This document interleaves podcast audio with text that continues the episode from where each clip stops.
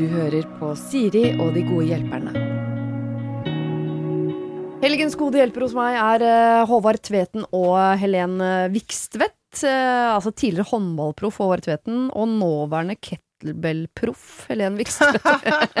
Det var gøy. Wow. Stemmer det, Helen?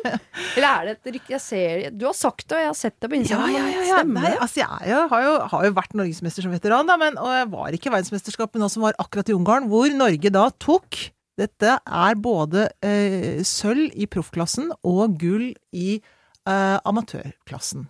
Ja. Gode løfter i Norge.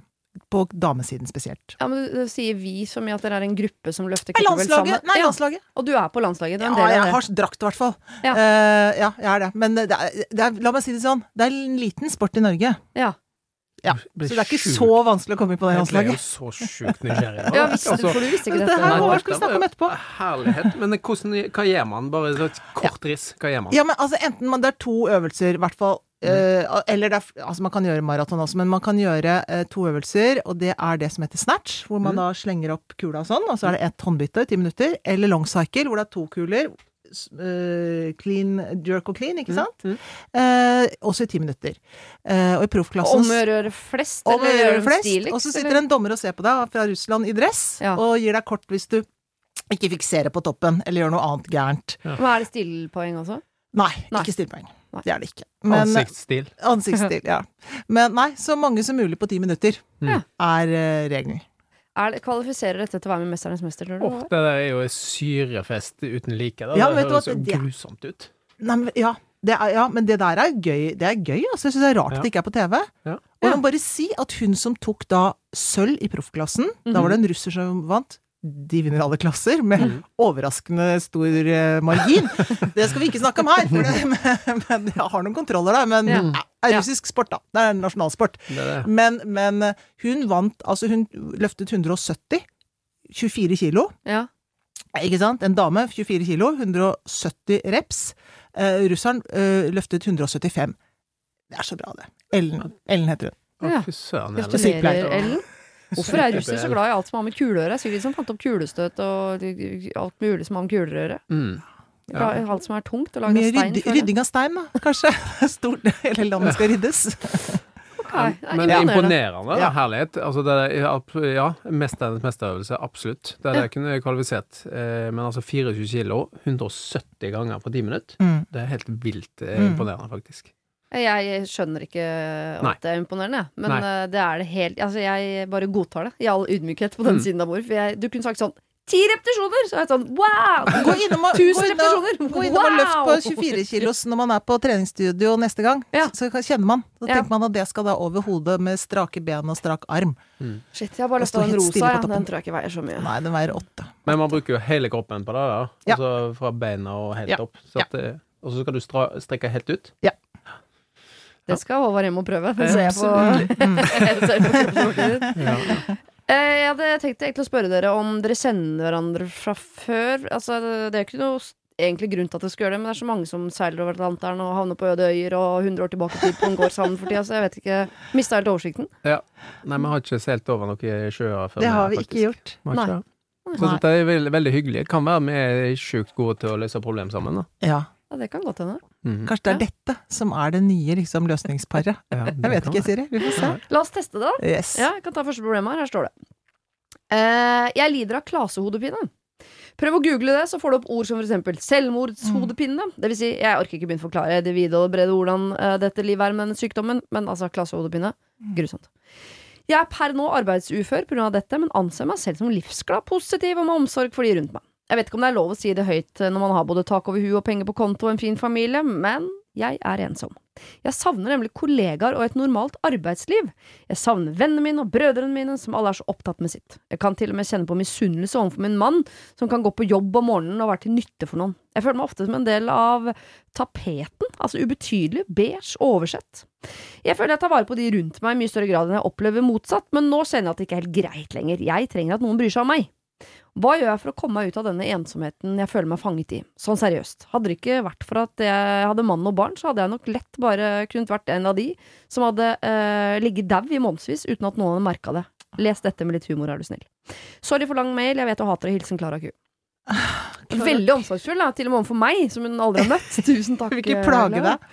Nei, hun vil ikke plage meg. Men virker jo som en veldig veldig kul dame, men så fordi hun har klasehodepine, så, så er hun kanskje ikke, ikke så lett å være så sosial, da. Mm.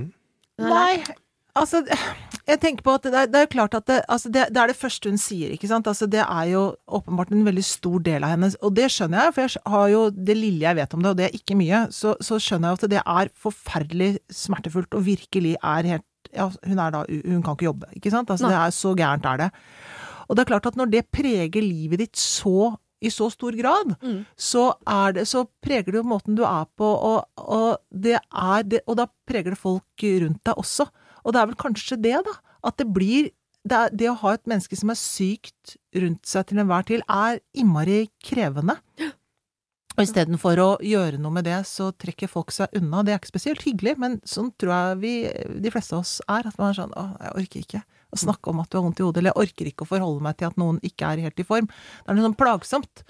Eh, og det går jo Og det er, er, ikke, er ikke så mye hun kan gjøre med det, sånn akkurat den delen av det, tenker jeg. Men hun må jo kanskje eh, bruke de lommene, for hun har det jo ikke hele tiden. Nei. At, I hvert fall ikke at det får definere henne i de lommene, og prøve liksom å finne noe annet eh, i de lommene som hun ikke har vondt og ikke er syk, da.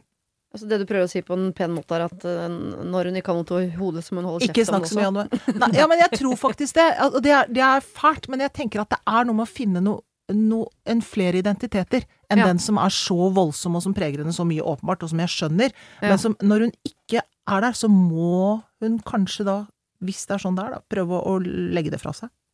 Mm. Altså, brutalt, men eh, ja. jeg har aldri opplevd noe sånt, ja, men eh, man kan jo på en måte kjenne seg igjen i det å ikke kunne være til stede hele tiden, om det er fordi man har hodepine, eller fordi man reiser rundt i verden og, og kaster ball, eller hva man driver med, men at Mm. man har en vennegjeng som man sjelden får pleid, fordi man Mm. ikke har tid eller ork eller uh, helse eller til det. Et, og man får, noe, får man noen sånn triks etter hvert, Håvard, på hvordan man holder kontakten allikevel? Ja, ja, det er jo Eller er du ensom? Nei, nei, jeg er ikke så ensom, men, eh, men altså, man kan jo gjenkjenne dette her, da. Og det, er, det kan jo være at dette blir litt sånn forsterka, dette ensomheten nå når alt er i gang igjen, da. Mm. At alle stikker av gårde. Hun er litt sånn misunnelig på mannen som er på jobb. Sant? Det er en er sånne andre faktorer som gjør at det blir forsterka, den, den følelsen av ensomhet. Eh, og det er klart, når du er arbeidsutfører og ikke kan ikke ha det der jobbfellesskapet å dra til, så, så kan man kjenne Jeg har jo sittet på hjemmekontor, jeg har jo kjent på at det, det er ikke superkult, da. Selv om jeg har det veldig gøy med kona mi hjemme, så er jo eh, for hun også hjemme. Så da, det var veldig artig. Men, men man kan jo kjenne seg igjen i det. Mm. Eh, og så tror jeg det, det er viktig å, å prøve å Når hun ikke har eh, de verste sånne tilfellene av klasehodepine, som for øvrig her høres helt grusomt Mm. ut, Mm. så eh, er det jo da å kanskje også kikke litt på akkurat den delen som handler om at hun passer på alle andre. Til og med deg, Siri. Mm. Sånn, At det er kanskje en ting som hun må kikke litt nærmere på, og kanskje gjøre noe med. At hun også skal passe på seg sjøl, da. Og ta litt ansvar for sitt eget liv. Ikke bare eh, sørge for at alle andre har det bra. Eh, og så skal hun bare passe på seg sjøl når hun har vondt. Ja. Men rett og slett lage en eller annen form for eh, et rigg rundt seg sjøl, som gjør at hun eh, ja, tar litt initiativ til å lage en, eh, en vennekrets, rett og Ja. En, En eh, ny tipper, hun har jo Jeg kan ikke fatte og begripe annet enn at hun, øh, om ikke har, så i hvert fall hatt venner eh, som plutselig har mye å gjøre på hver sin Mm. kant. Mm. Og så tipper jeg hun kanskje har avlyst en del ganger, fordi hun skulle vært med på noe, men så fikk hun eh, hodepine og kunne ikke være med, så det har vært en del sånne avlysninger. Og så har ting etter, Sånn er det jo med vennskap, dessverre, at uh, det er litt sånn ferskvare. At man mm. ofte bare spør den man så sist, fordi den tråden er så fersk Mm. at den er så lett å plukke opp, liksom. Så jeg ser for meg at, at det er litt sånn vanskeligere for henne, men at det da i større grad er hun som dessverre må ta det initiativet og koble seg på igjen. Fordi når man, i hvert fall er jeg sånn, når det er noen jeg ikke har sett på lenge, så slutter jeg å tenke på sånn og jeg har ikke sett dem på lenge. Kanskje hun er hjemme og er sliten eller ensom eller har vondt. Eller, det har Mm. litt på en måte liksom, Mm. Man glemmer det litt da, når ting kommer på avstand. Og ikke at hun skal ringe rundt og minne folk på det, men at hun skal minne folk på sånn Hei, nå er jeg her, frisk og rask. Skal vi spille sjakk? Det første jeg kom på. Kanskje ikke det, men et eller annet. Jo, men, men og jeg tror du har helt rett. Jeg tror at det, eh, at det der som du, som du også sier, Håvard, at hun, at hun tar så Hun har så mye, eh, tar så mye ansvar da, overfor de som er nær henne i familien sin, eller liksom har, tar vare på sånn sett. Så bruker hun da kanskje opp eh, det hun har av da krefter i de slagene mellom hvor hun får da de anfallene. Mm. Og kanskje da han mannen da som går lykkelig på jobben, eh, at man må finne ut av det litt. At noen ganger så må hun rett og slett ikke ta det ansvaret, og så må hun, som du sier, Håvard, passe på seg selv. Da er det hun som må invitere noen hjem, enten på, enten på sjakkveld da, eller noe annet uh, artig. Utrolig dårlig forslag. men ja. Nei, ja, jeg Ja. syns det. Men jeg, men jeg tror du har rett i det. Kanskje at hun må invitere mer inn. Ja. Mm. For det er ofte man sitter der og tenker litt sånn Stakkars meg, det er ingen som banker på døra her og spør hvordan jeg har det. Sånn, Men at du faktisk tar litt ansvar sjøl, da. Inviterer folk inn. Kanskje til og med eh, spør mannen, da. Om ikke han kan også, siden han har litt mer, høres ut som litt mer sånn outgoing, Mm. eh, og har litt mer eh, nettverk, at han også kan hjelpe henne å komme ut og Mm. ja, Jeg tror mer. rett og slett det, Klara, at du må passe på deg sjøl i stor grad. Og så må du, når du har overskuddet, så må du pleie de relasjonene du har. Og kanskje da ikke snakke så mye om hodepine. Nå pålegger vi deg at du gjør det. Ja, det det gjør hun sikkert øh, ikke. Det var jeg som tenkte det. at hun kanskje gjorde det. Mm. det er Jo, men tror du, jeg tipper hun gjør det for man har øh, et behov for å forklare hvorfor man har vært borte. Ja. Og så jeg sånn, nei, Bruk hele den tiden på å, å bare vise at du er til stede, istedenfor å forklare hvorfor du ikke var til stede i stad. Mm. Hvis det er sånn det er, da. Mm. Håper uh, du får til det, Klara. Stakkar. Ja, nå har vi snakket sammen såpass lenge, syns jeg, at det er på tide at vi snakker om sex. Ja, All right. for da Er ikke kjenner hverandre så godt, og så koselig. Ja. Gleder jeg meg til. Ja, dette gleder vi meg til. God dag, nydelige mennesker. Mm. Det har det siste året sakte oppstått et problem jeg sårt trenger hjelp med. Jeg er sammen med, og har det siste bodd sammen med, min aller beste venn. Vi er på bølgelengde i alle aspekter av livet, bortsett fra ett. Forholdet vårt har aldri inneholdt spesielt mye passion, men vi ler daglig masse sammen, deler samme tanker osv. osv. Da vi det første året av vårt forhold ikke bodde sammen, hadde vi stort sett sex hver gang vi møttes, eh, som kunne være flere ganger i uka. Men nå som vi bor sammen, vil han sjelden ha sex, og når vi først har det, så føles det kaldt. Altså, vi ser ikke hverandre i fjeset engang. Og det virker som han forter seg for å bare bli ferdig, og jeg har flere ganger måttet fullføre på egen hånd i smug etterpå. Jeg prøvde å invitere han inn i dusjen, sprada rundt i sexy undertøy, og til og med gått rundt i leiligheten naken. Men jeg får ikke napp. Dette har resultert i en elendig selvfølelse hos meg, og dessverre dagdrømming om utroskap, hvilket jeg skammer meg helt sinnssykt over. Men jeg vil ikke gi slipp på denne mannen, vi passer perfekt ellers. Her vet jeg ikke hva jeg skal spørre om engang. Er, er det normalt? Skal jeg slå opp? Skal jeg foreslå et åpent forhold? Kan det hende han er utro? Er han aseksuell? Har samboerskapet drept sexlysten hans? Altså, hjelp! Til info, vi er i midten av 20-åra, og vi studerer. Kall oss Stormy og Donald. Stormy og Donald.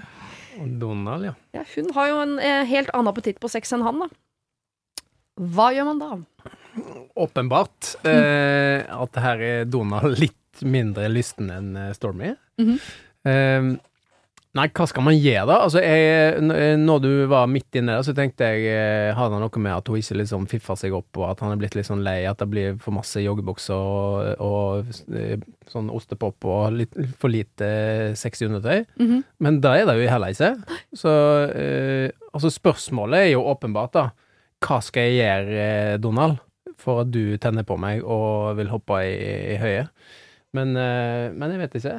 Altså jeg, for det var Helt i starten av den mailen så trodde jeg det kom et helt annet spørsmål. Oh, ja. Eh, Fordi han sa 'jeg bor sammen med min beste venn', sier hun. Jeg også tenkte først at de var venner som lå sammen. Og som hun hadde tenkt at men å, jeg har lyst til å ha sex med han også, liksom. At Ja. det var problemet. Tenkte jeg, og så snudde jo det fort, da. Men det er vel kanskje noe med det, da. At det har liksom dratt seg for mye over i sånn derre kompisverden, liksom. Og jeg tenker jo at uh, Jeg har vært gift i 30 år. Eh, og jeg tenker jo at det er sånn at det, går jo opp og ned her i livet. Det må jeg jo kunne si. Mm. At det er faser hvor det ikke er så hett som det var første uka. Mm. Men, men det er vel eh, Men det er viktig å passe på at man eh, snakker om det og sier de tingene høyt, og at man faktisk jobber med det. Og som all annen trening her i livet, så er sex en treningssak også. Det tror jeg. Mm. Og, og så tror jeg at det kan bli litt sånn slapt, kanskje selv med at man vasser rundt naken. tenker det jeg tror ikke det hjelper. Jeg tror det er liksom helt andre ting da, som drar opp spenningen. Eh, det der at man faktisk har det litt sånn nesten kanskje lager dater, altså sier at det, sånn må vi gjøre den perioden nå. Fordi at, det- og de har jo ikke barn heller. altså Nei. De er jo ikke inne i sånn som jeg tenker det, Der føler jeg liksom var det store skillet, liksom. Sånn å herligheten, det er ingen som sover her i dette huset. Men, men så det er ingen som orker noen ting. Men, men de er liksom midt i 20-åra. Nei, de må ta grep, og de må snakke om det. De må snakke med hverandre. Ja, for det er jo litt tidlig at den delen skal bli borte. Og jeg tenker Ja. spør sånn, Er det det at vi har flytta sammen? For det er jo noen sånne Nei. kneiker ikke sant? etter man fikk barna. Ja noen da. sånne kneiker, Men tidlig 20-åra flytta sammen. Ja, kanskje det er en kneik? At tilgangen på øh, rødt kjøtt er så massiv. Ja, det- Ja, bare- altså, du er så mett, kan spise godteri hver Ja, dag, Du orker ikke Altså, det er noe med Nei. Tipper du jobber du på hotell, så kaster du deg ikke over buffeen hver eneste Nei dag, da. liksom. Det er jo Jeg blir lei av hotellfrokost. Det er jo, sånn er det jo av og til. Men, men det er klart, eh, jeg tror du er veldig innpå det. Jeg tror, det, jeg, jeg tror at Donald her, han har mista litt piffen etter at det var litt sånn spennende, det vennskapet. Det der er litt sånn kanskje det gikk fra noe som bare var vennskap, til at plutselig gjorde vi noe ulovlig, og så, og så balla det på seg. Plutselig nå så er jeg liksom stuck med, og jeg ser for meg hund og sta- stasjonsvogn og full pakke snart. Så det blir litt sånn usexy plutselig. Mm. Og samme hvor masse Stormy danser rundt i naken i tangene, så, så blir det liksom ikke action. Så eh, jeg tror nok eh, kanskje de må piffe det opp litt. Åpent forhold jeg har ikke tro på det. Eh, Don, altså, Nei, nei, Hvis Donald er Donald, så han er ikke fysen på åpen Nei, forhold. Nei, han er ikke fysen på noe Donald. Han er Så eh, kanskje hun må gå fra å være eh, Stormy til Dolly. Kanskje det. Ja, for det Kanskje tenkte jeg på. Kanskje Donald sliter med et eller annet sånn at han er usikker på et eller annet i seg. Ja. Og at det presset der, når det går en som kaller seg for Stormy rundt, naken i sexy undertøy, bare oser, og så drypper han rundt Ja. leiligheten, og så sitter han Det sånn liksom. med bare genser og Ja. naken nedentil, er sånn Ja, Ja, nei, hva skal jeg leve for noe her? Ja, ja. altså, jeg, Kanskje det blir prestasjonsangst også? ja, det tror jeg kanskje det kan hende. Ja. Det blir for masse å håndtere for Donald. At eh, Mm. Altså, hun skal ha hele tida, og jeg klarer ikke å Nei, han vil gjøre det på gamlemåten, og han vil gjøre det eh, på fredag. mm. Men eh, jeg får begynne med det, da. Men, men jeg tenker det er et tema som må tas opp internt. Det tenker jeg. Jeg tror, jeg tror ikke det løses med at hun gjør noe. Eh, jeg tror at det, Bortsett fra at jeg tror de må liksom finne ut av det og lage litt eh, Altså snakke om det. Jeg tror ikke man kan liksom luske seg inn i en mer Og så er det sikkert et eller annet han savner også. Som, Ja, For jeg tipper det, det er jo noe de har gjort før som har ledet dem til at de har lyst til å ligge sammen. Ja, jeg vet at det er kanskje litt sånn eh, eh, Sånn som man uh, i gamle dager snakket om at uh, damene var. Sånn, Nei, først må du støvsuge! Altså, litt sånn, kanskje Ja. han er en type som Vet du hva, jeg trenger uh, ro og kos først. Jeg trenger Mm. å, å føle kjærligheten før jeg Jeg er ikke en liksom, fyr som bare Lang eh, foreplay, liksom. Nei, ikke, vi har ikke sett hverandre på to dager, for begge to har jobba så mye, Mm. og øh, oppvasken står til midt på taket, liksom, og så skal vi bare begynne å, å, å ligge med hverandre. Nei, det er ikke min greie. Kanskje mm. bare Han liker å ha det ryddig før han ligger med noen. Ja, han må ha det ryddig. Men eh, jeg tror nok han eh, eh, Kanskje han eh, Kanskje det har endra seg litt, da? Kanskje hun må inn i det rommet og spørre han eh, litt sånn ordentlig hva er det du liker Ja. Og liksom Snakke om hva er det du tenner på, da. Ja. For det er tydeligvis eh, Han syns jo sikkert hun er fantastisk, og det er jo en Mm. grunn til at han fortsatt bor der, regner med. Med mindre Donald er ute på tur, da, med, med andre damer. Det er jo også må, Man er jo også sjekka da, når folk er uinteressert. Ja, eller Ja, man, bare- det må man jo. Man må sjekke av. Ja. Så, så Men kanskje snakke med han, da. Ja. Altså, det er jo kjedelig råd, da, men du må faktisk snakke med han om Mm. det som faktisk er temaet. Ja. Hvorfor vil du ikke ligge med meg når jeg sprader rundt nakken? Ok, så her er eh, rådet vi gir, at dere må snakke sammen. Og da må snakke sammen om hvorfor tenner du ikke på meg. Og så må du legge til at jeg blir lei meg, føler meg litt attraktiv når jeg føler meg avvist. Og så må du også spørre er det noe annet vi mangler i det forholdet her som gjør at ikke vi to tenner like mye på hverandre lenger. Må rett og slett ha en sånn eh, lang prat. Ikke i sexy undertøy, men sånn vanlig sånn beige prat Mm. med klærne på rundt Ja. kjøkkenbordet. Ja. Da, eh, det er jeg enig i. Ok, da har vi snakket om sex. Det er Mm. fortsatt tidlig på morgenen. Det går bra. Mm. Ok. Kjære Siri og dine gode hjelpere. Jeg har en veldig god venninne som jeg har hatt i mange år. Så lenge at jeg også har møtt familien hennes, samboeren hennes, har blitt god venn med dem. Kall dem eh, Camilla og Thomas, altså venninnen og typen, da. Det siste året har de to hatt et ganske trøblete forhold, men har jobbet seg gjennom flere ting. Camilla har snakket mye med meg eh, om det, og jeg har vært ganske oppdatert på oppturer og nedturer. Men så har vi samla en gjeng forrige uke, og da ble jeg sittende og prate med Thomas, og vi kom også inn på denne vanskelige perioden. Etter hvert kom det fram at han ikke ser noen fremtid i dette forholdet, blant annet fordi han har opplevd å få sterke følelser for andre enn henne. Hva i all verden skal jeg gjøre med den informasjonen? Det er jo Camilla som er min venninne, hun jeg i utgangspunktet har kjent godt og er veldig glad i. Jeg vil jo ikke at eh, Thomas skal bli et forhold for å ikke såre henne, men skjønner heller ikke hvordan det skal eh, gå om de slår opp, da Camilla kommer til å bli knust.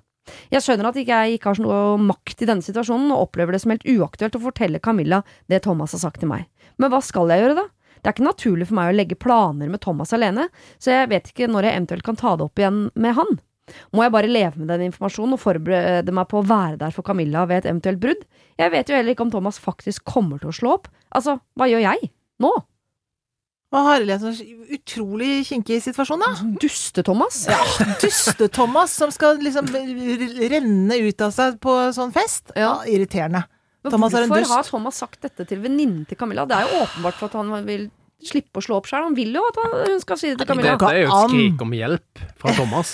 Dette er outsourcing av problemet, fordi han er jo kjempekonfliktsky, tør ikke snakke og se Camilla i ansiktet, og gå via venninna for at hun skal ta bakveien inn, sånn at dette blir lettere for han. Ja, men vi, Det er nesten så man kan være enig om Ja, ja, ja, ja. Jeg synes det er så drøyt. Og, og, så, og det hun sier også, at det, men det er jo ikke sikkert han kommer til å slå opp heller, fordi han har liksom gitt uttrykk for at hvis han gjør det, så blir Camilla så kjempelei seg at det orker han ikke. Så han er jo helt ute på tur, liksom. Ja.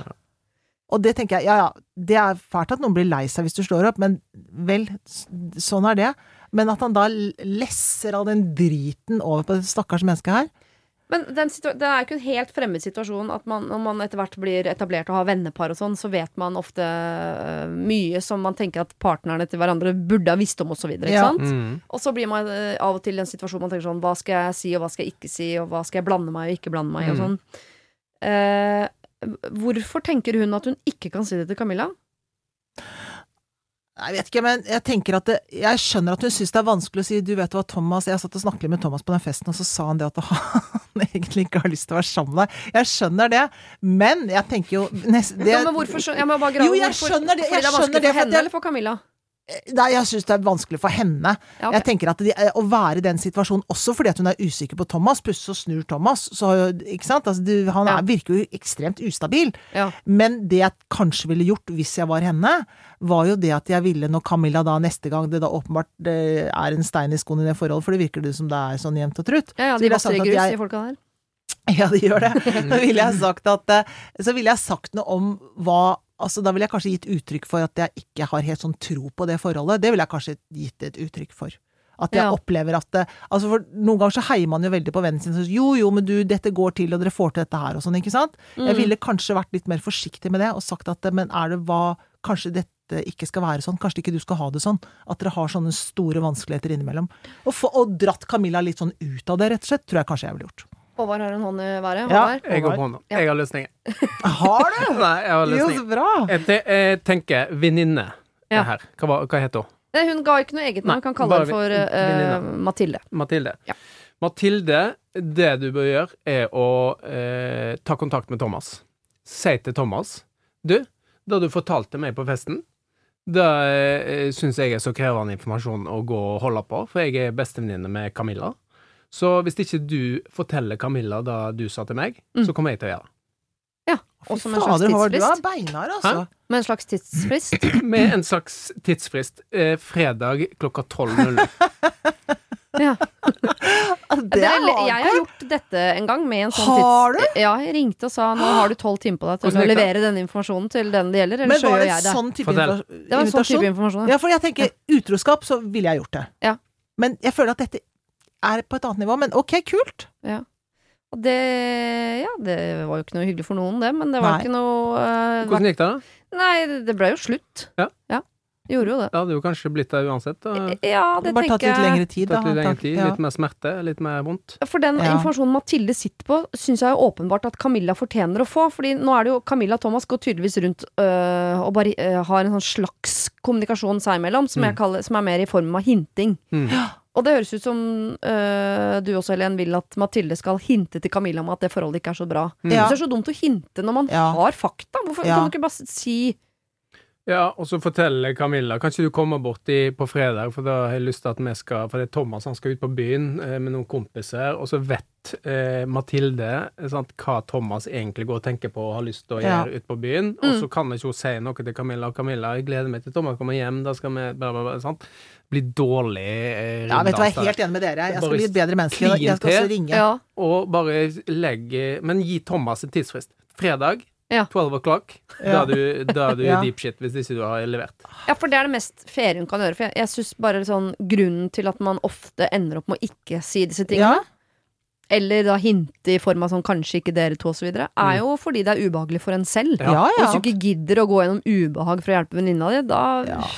gir jeg deg terningkast tre som venninne. Ja. Og, og liksom, enig. etter at Thomas har liksom eh, slått av, gått videre, og så får Camilla vite at Mathilde visste, Visste. dette Mm. før. Ja. Ja. Åh, vondt. Men kan Camilla bli sur på Mathilde? At sånn, hvorfor, hvorfor blander du deg i dette? Hvorfor snakker du med Thomas Ja, ja, ja, ja, ja. Thomas sier at han ikke har gått ø, øye til en annen. Hvor får Ja. du dette fra? Og, Ja. Ja. Men Thomas sa det til meg på fest, så da kan jeg liksom Ja. ikke Altså, jeg, jeg I'm just a messenger. Men jeg vil at du skal vite, siden du er min gode venninne, og Thomas, han eh, driter jeg egentlig. Så Ja, for Thomas, Hvis Thomas blir sur, så er det ikke noe vanskelig å stå inne for sånn. Du, min lojalitet ligger hos Camilla. Sånn er det bare. Thomas kan jo Ja. ha fire promille da når han sa dette, men, ja, men det allikevel. kan han. Ja. Det er jo ofte da sannheten kommer fram. Ja, og det at Thomas sier det til Mathilde, da har han vel gjort en liten sånn risikoanalyse på at dette kan komme til å gå videre. Ja. Dette er ikke vanntett, liksom. Nei, det høres ut som, eh, igjen, da, et rop om hjelp fra Thomas. Ja. Han, eh, Men overraskende feig. Men da Skuffa, er det, jeg er skuffa over Thomas. men da er Det fint, da. Ja, jeg er helt enig, skuffa over Thomas, men fint når ropet om hjelp kommer, så bare snu deg tilbake Ja, til Thomas. ja, ja. Nå må du ta ansvar for det. Hvis det ikke så tar jeg. Enig. Blir Dere er hjelp til beinharde. selvhjelp. Enig. Hjelp til selvhjelp. Ok, Så uh, Mathilde, som du nå heter, eh, du må ta kontakt med Thomas. Altså Innen um, fredag klokka tolv så må du ha snakket med Camilla. Ellers så kommer jeg til å si det, for den informasjonen jeg sitter på, som du ga meg, den kan ikke jeg sitte på. Nettopp. Og så nå bare sa jeg for at du Ja. får lånt den der svære ballongen de bruker på huskestue, som blir større og større, og på et eller annet tidspunkt ja, ja. eksploderer den. Innen ballongen eksploderer. Ja, Så må du ha sagt. I huskestue. Veldig Ja. bra. Ok, her er det en som holder på å bli gal.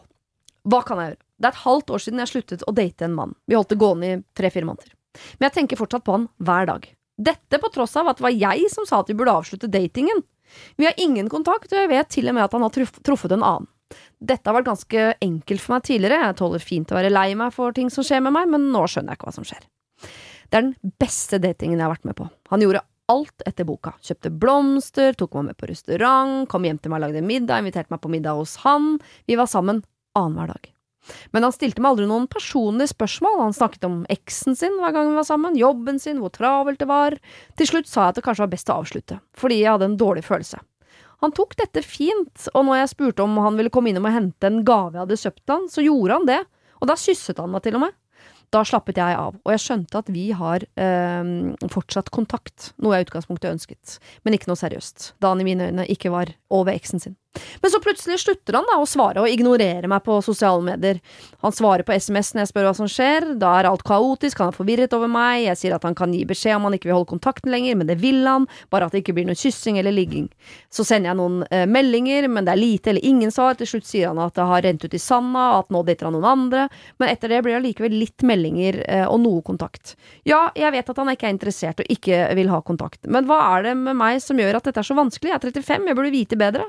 Skulle jeg bare holdt på videre og øh, øh, når jeg vet at øh, jeg ikke tar dette seriøst, siden øh, han kun snakker om seg og sin eks. Jeg trenger noe datingråd, jeg, altså. Øh, Råd øh, meg til det dere føler at jeg trenger råd til. Altså, hilsen frøken Strøken. Hva øh, Den uh... Altså, dette høres ut som en dame som øh, øh, har data mye. Det blir aldri noe ordentlig. øh, Det går fram tilbake og opp og ned. Dette var den beste datingen. Hun ville ut av det. Det var ikke godt nok allikevel, selv om det var perfekt. mm, Nå vil hun tilbake. Vet ikke, skjønner ingenting. mm. Og så vil hun bare generelt ha råd i livet. Generelt ha råd, råd i livet? Ja. Eh, Aha, det vanskelig. Ja, det er jo det er, Jeg tenker, hvis hun nå Hvis dette mennesket, da, han mannen her, Mm. Som hun sa, jeg tror hun skulle si vi var sammen hver dag, men hun sa Ah, annenhver dag. så fint. Ja, ja. Vi var sammen annenhver dag. Eh, og det var jo sikkert deilig med en sånn eh, kanskje, kanskje allerede der at hun måtte ha en fridag. Men, eh, men hvis du har funnet et menneske du har lyst til å være sammen med, Mm. så vær sammen med det mennesket. Ja. Det hørtes veldig lett ut, da. Men, eh, men og i, åpenbart så er jo han også interessert. Mm. Så, eh, så jeg tenker jo Selv om dette var verdens lengste mail, så tenker jeg svaret er vær mer sammen med eh, den du har lyst til å være sammen med. Ja. Hvis du kan, da. Og han kan.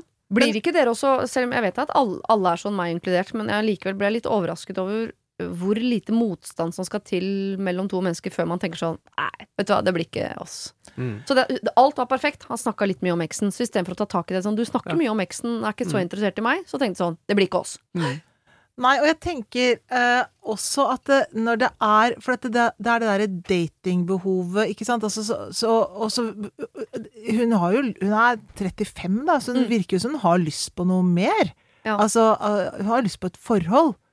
Og det der å holde det da sånn på annenhver dag, litt armlengs Det høres jo også at hun er litt sånn på armlengs avstand. Mm. Og han, når han da blir dumpa, da, som han ble, så ville hun holde han varm i noe sånn halvdating. Mm. Uten, og så blir hun overraska nå for at hun åpenbart har følelser for han. Det er jo det som overrasker henne. Mm. Ikke det, altså Det er det som plutselig slår henne. Hvordan skal man forklare det? Ja, men det har hun, da. Så, men da er det litt seint, for da er han et annet sted.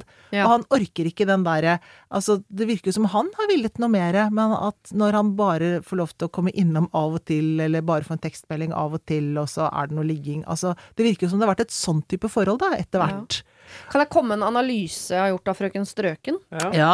Uh, og som er, Den kan oppleves som litt hard, Frøken Strøken, så jeg beklager hvis jeg tar feil. Og bare uh, krydrer jeg det jo med erfaringer fra andre mennesker jeg har møtt opp igjennom osv. Men når man kaller seg Frøken Strøken og liker menn som er veldig sånn som kjøper gaver og blomster og ber på middag, ikke sant, så liker man jo å bli kurtisert. Litt sånn gammeldags kurtisering hvor mannen Mm. virkelig bare hyllet kvinnen som den gudinnen hun er. Mm. Og så sitter frøken Strøken på tronen sin og bare liksom skal bli eh, pampra hele tiden av denne Mr. Big, eller kall han hva du vil. Mm. Men så er han ikke nok interessert i henne i tillegg. Så han snakker om eksen og snakker om jobben. og snakker om, ikke sant? Det er ikke bare 'å, deg, og du er så fantastisk', og deg og deg og deg og deg. og deg og deg Så det ble ikke nok for henne. Men når han da plutselig liker noen andre, så får hun seg sånn 'hæ? Mm. Er, jeg er jo dronningen i universet, Mm. og så liker du noen andre enn meg. Er du uh, hallo? Hva skjedde? Mm. Og, og da blir hun plutselig litt uh, nysgjerrig. Det er min analyse av Ja, ja, det tror jeg ikke er dum. Det tror jeg absolutt er en lur analyse. analyse. Jeg, ja, jeg tror kanskje Jeg var jo litt kjapp der i starten og bare sa 'vær med med den du eh, Men samtidig så jeg står litt ved det. For at jeg tror Det høres ut som Frøken Strøken er litt sånn som du Kanskje sånn som du beskriver, men også at hun kanskje har et litt sånn urealistisk eh, bilde av hva det er å være i et forhold. Mm. At det bare er blomster og, og den der løftet opp på tronen hele tida, du er gudinna og Mm. Eh, og, da, og nettopp når det begynner å bli hverdag, og han begynner å snakke om jobb, og han har litt vondt i ryggen, og han er litt sånn Han er bare et menneske, Mm. så blir det litt sånn Når Mr. Big blir Donald. Dette, dette gidder jeg ikke. Ja. Ja. dette gidder jeg ikke. At du går fra at han var Brad Pitt, til at han blir bare vanlig eh, mann i gata. Ja. Og det er jo ikke så interessert i, så da går hun heller videre og ser om hun finner en ny Brad Pitt hun kan være med i lite grann. Mm. Så kanskje du skal være litt mer sammen med det du liker, men også prøve å tåle liksom hele mennesket, da. Ikke bare den derre fasade, fine mannen som kommer med blomster. Ja, begge hver, for jeg tipper at hun òg kanskje ikke er- så flink til å åpne opp om sine hverdagssider. At det bare er liksom fredag kveld, Frøken Strøken, som hele tiden syns. Ja. At man skal være litt sånn, selv om ikke vi applauderer nødvendigvis joggebukse for mye inn i hverdagen, men, men litt, liksom. Mm. Nei da, men altså, jeg har jo hatt folk som jeg kjenner som har stått opp før han hun sover med for å sminke seg, sånn Ja. at man er klar. Og jeg Mm. tenker det er ikke noe godt tegn. Da føler jeg det, det Mm. tenker jeg det er ikke noe varig det der der. Det kommer til å bli slitsomt etter hvert. Kanskje i starten. Jeg husker jeg var helt desperat etter å alltid ha den der eh, originale Stimorolen i veska. Jo da. eh, På videregående, Ja. tilfelle typen kom innom, for jeg Ja. skulle lukte duggfriskt. Ja. Det har jeg slutta Ja, med. det er litt, det er, men det er litt deilig da, da, faktisk. Jo da. Jeg kan jo bare Ja. Men han måtte på et eller annet tidspunkt få vite at jeg ikke har en naturlig smak av Stimorol. Ja. Ja, det, er kommer, det kommer for en dag. Nei, men hun, er, altså hun snakker om det som dating hele tiden. Det er det rådet hun vil ha. Hun, var, Ja. hun vil ikke ha forholds, øh, noe råd om å være i et forhold. Det er, spør hun ikke om. Hun spør om gode datingråd. Mm. Så det sier jo litt om hvor hun er hen, da. mm. Da tenker jeg jeg må bare dra det inn i Shakespeare. Du må liksom bare da ikke vente på at uh, Romeo skal klatre opp liksom på balkongen din. Og kanskje Mm. bare skal møte han i bakgården der og være helt vanlige folk. Mm. Og så kan dere snakke om jobb og ekser og alt mulig. Og ikke liksom at alt skal være helt sånn tippeti topp hele tiden. Ja. Det er ikke stiletthæler hver dag, liksom. Det kommer liksom en dag, da, Ja. uh, som er liksom uh, litt, litt mer vanlig enn bare blomster og Kanskje nettopp derfor, som du sa helt innledningsvis, Håvard, skal møtes ikke annenhver dag, men hver dag. Sånn at det Mm. eh, er nødt til å på en måte ikke være annenhver dag, hverdag og ikke hverdag hele Ja. tiden. Det kan være Ja. stiletthæler og Ja. fotformsko. Stilett, fotform, stilett, Mm, Den er god. Fot Ikke fotform, vær så snill. Det er faktisk ikke, det er ikke lov. Sneakers eller noe annet. eh, Noe som ikke glitrer. Oi, oi, oi. Ah. Ja. Frøken Strøkken, vi håper du finner den eh, rette, og så håper vi ikke du egentlig allerede har funnet han, og så bare forsvant han fordi du ikke klarte å håndtere det riktig. Det kan hende, men det er flere. Eh, så du må jo da kaste deg ut i datingen eh, igjen. Kanskje møte han hver dag. Ikke Mm. alltid være Frøken Strøkken. Mm. Og gi og ta.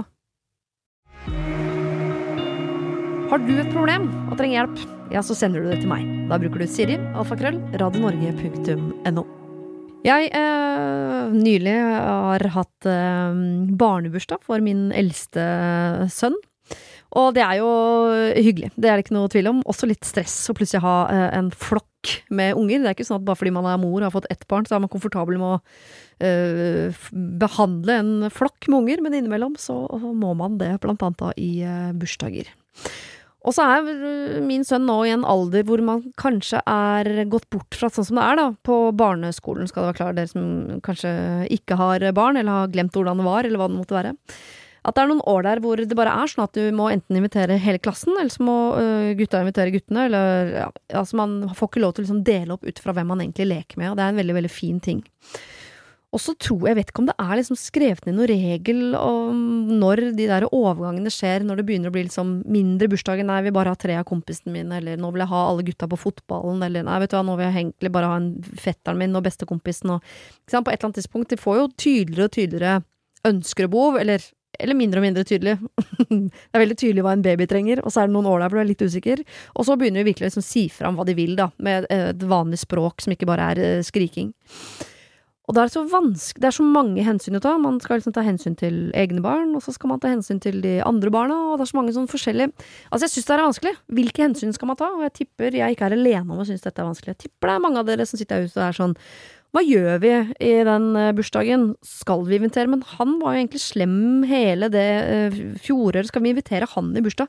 Eh, Min datter eller min sønn vil jo ikke ha dette barnet på besøk. De gruer seg de hvis de skal komme. Ja, men kanskje vi burde allikevel, for han har jo da ikke noen venner. Så hvis ikke vi inviterer, så blir han aldri invitert til bursdag. De inviterte jo til oss i fjor. Dere skjønner hvor jeg vil. Det er masse hensyn å ta, og så skal man liksom være forelder, men man skal samtidig også ta vare på de andre barna i, i bygda. Eh, I hvert fall burde man tenke litt på det. En del sånne ting. Så jeg tenker hvis du har noen problemer opp den gata der, så er det kjempefint at du deler, fordi når du deler dine problemer, så er jeg nødt til å hjelpe, og ved å hjelpe så må jeg ordentlig grave i mitt indre dyp av hva jeg egentlig mener, samtidig som om jeg har mine gode hjelpere her, som kan virkelig grave i sitt indre dyp på hva de mener er riktig å gjøre. Og jeg lærer altså så mye. Jeg blir hardere, og så blir jeg mykere, og så blir jeg klokere, og så blir jeg dummere. Og det har vært fint om vi ikke gjør det greiene der sammen. Så har du noen problemer rundt uh, hvilke hensyn skal vi ta når barn skal feires, ja, så sender du dem inn til Siri, alfakrøll, radionorge.no. Hei, jeg synger i kor. Ikke proft, altså, men vi gjør en del oppdrag og er en gjeng som tar dette eh, nokså seriøst. Men altså, vi snakker hobby. Jeg har vanlig jobb ved siden av. Med andre ord, jeg må øve etter arbeidstid, og jeg bor i blokk. En nokså ny blokk, så den skal jo være isolert med tanke på lyd også. Men nå har jeg fått en lapp i postkassa fra en nabo som ber meg ikke synge så høyt, da det forstyrrer henne når hun er på hjemmekontor eller studerer. Men hva da? Jeg synger jo i min leilighet. Må jeg ta hensyn? Jeg får ikke svart vedkommende engang, for jeg vet jo ikke hvem det er, og det blir vanskelig å komme fram til et kompromiss her, så da tenker jeg bare fortsette som før, jeg. På hvilke hensyn kan jeg egentlig ta? Skal jeg ikke synge før sju, eller ikke etter ni, eller ikke på hverdager, eller ikke i helgen, eller hva? Sofie? Det synes jeg er så deilig å få problemer fra den siden, for det er så typisk sånn jeg har en nabo som gjør et eller annet som irriterer meg, så tenker jeg sånn, ja, men de Mm. er vel i leiligheten sin? Mm. Og jeg skjønner, et, noe hensyn kan man ta, men Jo, men det er regler for sånt. Hvis du bor i blokk Jeg vokste opp i en Obos-blokk, jeg bor nå i et sameie, eh, og når man bor sammen med andre mennesker, så er det regler for akkurat de tinga der. Og det er husordensregler, heter de. ja, men Så står det noe om det er lov å synge i sin egen leilighet der, da? Nei, ja, men det står noe om at det skal være stille, står det ofte. Altså det skal ikke være bråk eller ikke være forstyrrende, altså etter Men det er ofte etter elleve og sånn, altså. Etter, På kvelden? På kvelden. Etter Ja. ti og elleve på kvelden. På dagtid, altså da mener jeg syng så mye du vil. Eh, så det er før sju og etter ti-elleve om kvelden. Altså det er liksom når, man, når folk skal sove. Mm. Uh, skal du ikke drive og synge så mye, men på dagtid at du synger Hun synger vel jo ikke i sju timer. Hvis hun øver og synger, så synger hun vel en, maks en time, kanskje en og en halv, liksom. Jobber sikkert til fire, middag, de greiene der, fem Fra sånn halv seks til halv sju, kanskje, da. Ja, men herligheten. Fortsett å synge. Ja. Til det kommer noen og banker på. Det er mitt råd. Ja. Altså, det spørs jo litt om hun synger fint. da. jeg tenker Hvis hun synger Hvis det er skikkelig surt og sånn, så Men da må hun i hvert fall øve. Det er Ja, det derfor man er jo sant, da, men det er jo. Da burde jo kanskje naboene sagt da, da. Syng, men syng rett. Eller Ikke øv før du kan det. ikke for det, spiller en du kan. Nei, men, eh, men det er jo eh, Altså, jeg visste ikke om at det var sånne type regler, men det, det er jo et kjempegod eh, sånt eh, et regulatorisk eh, system man kan holde, forholde seg til, og så bare kli, klaske en lapp i posten til naboen sin. Sam... Eh, hva, hva heter det? Husordensregler. Husordensregel Ja. nummer fire. Ja. Man kan synge så lenge man vil. Men Eh. noe hensyn i tillegg til husordensregler. For altså, den til klokka elleve er litt rart. Ja. Hvis jeg hadde spilt Ja. kontrabass, og det var en nyfødt baby vegg i Ja. vegg Hun legger seg ikke klokka elleve, da. Hun Nei. legger seg sju. Ja. Og, det er, og det er jo altså, Og alt det der er jo ment for sånn at du skal ikke ha feste liksom eh, til klokka fire om morgenen eh, daglig. Ikke sant. Det, er jo, det er jo derfor de reglene er der. Men broren min spilte piano, Mm. og da var det sånn at og Med åpen verandadør, liksom. Og han, han, var, han var veldig god etter hvert, men han var jo et barn i begynnelsen som spilte piano. Det, det høres jo, Mm. og det er jo lov å gjøre det, men det, i de reglene så står det det skal være stille mellom da og da, står det. Ja. Og da er det det som er greia, liksom. Og hvis da noen er- har hjemmekontor, da, og syns det er irriterende, så er det sånn Mm. Ja, men da må vi slutte med hjemmekontor. Ja, for jeg tipper uh, frøken hjemmekontor her tenker sånn Ja. du må skaffe deg et øvingslokale. Men det er vel frøken hjemmekontor som må skaffe seg et kontor, for det er Ja. der hvor irritasjonen ligger man må gjøre forandringen. Mm, Hvis ikke den andre gjør noe ulovlig. Absolutt. Eh, men er det, en, er det en måte å liksom Et kompromiss, da, som kanskje ikke Det var, sa noe om kompromiss, at det var vanskelig å gjøre? Ja, eh, Vanligvis er det jo antakeligvis ikke det, men når ikke du veit hvem det brevet er fra, så Nei, sånn, kan ja. folk ikke Du vet den ikke om det er dialogen eller til sida. Nei, Nei. men fint. Men går det an å for eksempel eh, prøve å gjøre det litt lettere å, for de andre rundt, da? Mm. Enten de er over eller under eller på sida. Og så, hvis du lager et rør, liksom, Mhm, og så har du i enden der har du ei pute, liksom, og så synger du inni i det røret, ja. sånn at det blir sånn lydtett inni der, og liksom man skåner liksom omverdenen litt for den lyden. Eh, så kan hun gaule som altså hun bare eh, vil, inni der, uten Ja. at det liksom plager Mm. noen. Så får hun liksom så, så gjør hun det på uh, mandag, onsdag og fredag, og så synger hun vanlig på tirsdag og torsdag. Så uh, vet de Kan du henge opp en lapp i gangen, da. Men Hvis man er et sånn veldig hensynsfullt menneske, så får man jo kjøpt sånn lydisoleringsputer og sånn. Jeg tenker sånn for, Ja, Jeg bare vet meg selv at jeg kunne tenkt sånn Ikke faen, jeg skal bare synge som jeg pleier. Jeg har- Det står Ja. reglementet, jeg kan synge som Ja. jeg vil. Men så vet jeg at neste gang jeg da står og drar en Ja. arie, veldig uvant for meg å si, men Ja. eh, la oss si det, Ja, ja, så ville jeg jo kost meg mindre med den arien, fordi jeg veit at et eller annet sted rundt meg nå så sitter det en som er dritirritert. Mm. Så kanskje bare for egen kos. Mm. At man skulle kjøpt seg noe sånn egg, eggekartong eller noe puter eller noe. Mm. eh, det er veldig stygt, da. Men, men, Ja. men, men jeg tenker at man, hvis man skal på et sånt møte, da, det skal man jo sikkert, da er det Mm. generalforsamling eller det er liksom sameiemøte, sånn, så kan man jo si at jeg eh, synger en del. Det har det noen av dere som har opplevd. Jeg har fått en lapp i posten. Ja, vi har hørt det. Har hørt det. Ja, jeg lurer på Altså, jeg skjønner at dere har et lite barn som sover sånn middagslur mellom tolv og to. Uh, den lille babyen. Uh, det skjønner jeg at det er, da er det forstyrrende. Men jeg tenker da at altså man kommer med noen sånn tidspunkt som man tenker er dette bedre enn dette, hva kunne man liksom leve med? Ja. Eh, Som var liksom et eh, punkt hvor man eh, folk tenkte sånn ja, men det er ålreit, du synger mellom fire og seks, da, det er fint. Kan du ikke gjøre det? Mm. Take the high road, liksom. Ja, som Ja. er å henge opp en sånn lapp da, Ja. i oppgaven. Så sånn, Ja. Jeg skjønner at det irriterer folk at jeg synger, men noe må jeg kunne Hva- synge. Mm. Hva er passer best det for dere? Ja. Mm. Kryss på det. Det å, det å være den personen som kommer inn i det der årsmøtet der med den der Der er hun som synger. Lappen, liksom. Den er jo Hun kunne jo gått ut og så Hun kunne ikke gått ut i skogen, da, og så liksom kunne folk De som ville, kunne liksom Mm. Kunne hun lage en sånn Jeg øver to ganger i uka med synging. Mm. Bli med på sangtur Mm. eh, tirsdag klokka sju. -hmm. Så synger, da synger hun. Så kanskje jeg husker fortsatt da jeg gikk på SFO som barn i Bjølsenparken. Hun dama som sto på toppen av haugen i Bjølsenparken og det med tai chi. Ja. Det var jo sikkert et behov hun hadde fordi det var ikke hadde for dårlig plass hjemme eller bråkte for mye for naboene og sånn. Vi tenkte at hun var gæren. Jo det, og det tenker jeg fortsatt nå i en alder av 43. Ja. Men da tenker nok disse naboene også når de ser åh, der kommer hun og synger. Og så står du og synger i, Ja, i, i skogkanten der. Ja. Ja, ja. Nei, men altså, gjør for all del det. Ja. Men jeg er enig det er vanskelig å inngå kompromiss med folk som ikke går i dialog, som bare Mm. legger lapper i postkassa. Så slutt med det. Hvis du irriterer deg over naboen, så, så si fra sånn at man kan eh, snakke om det. Uh, og fortsett å synge. Mm. Gjerne i et rør med den Mm. stemmen du har, og uh, henge opp en lapp i gangen eller gå på styremøte. Vi skal få et uh, problem som Oskar hos Mental Helse og Ungdom har lest inn til oss. Dette gjør vi jo fordi vi vil at dere gutta skal bli flinkere til å be om hjelp, så her kommer det altså et problem fra en mann. Mm. Hallo igjen, Siri og de gode hjelperne. Jeg har fått inn et problem fra Torkil på 30 år, som skriver. Hei, jeg er i gang med å søke ny jobb, men både gruer og gleder meg til å bli kalt inn til intervju. Jeg har en psykisk lidelse som jeg er i behandling for, men det vil fortsatt kreve jobbing av meg personlig. I noen perioder går det fint, men i andre perioder kan jeg bli mer slått ut. Jeg heier veldig på åpenhet om psykiske vansker, også i jobbsøkerprosessen, men jeg har hørt at mange arbeidsgivere velger deg bort dersom du er ærlig. De vil jo antagelig finne det ut uansett, og da er jeg også redd for at det kommer en reaksjon på at jeg ikke har fortalt om det tidligere. Dette er et vondt dilemma for meg. Jeg ønsker å høre deres tanker rundt problemstillingen, og forhåpentligvis bli litt klokere på valget mitt når den dagen kommer. På forhånd tusen takk.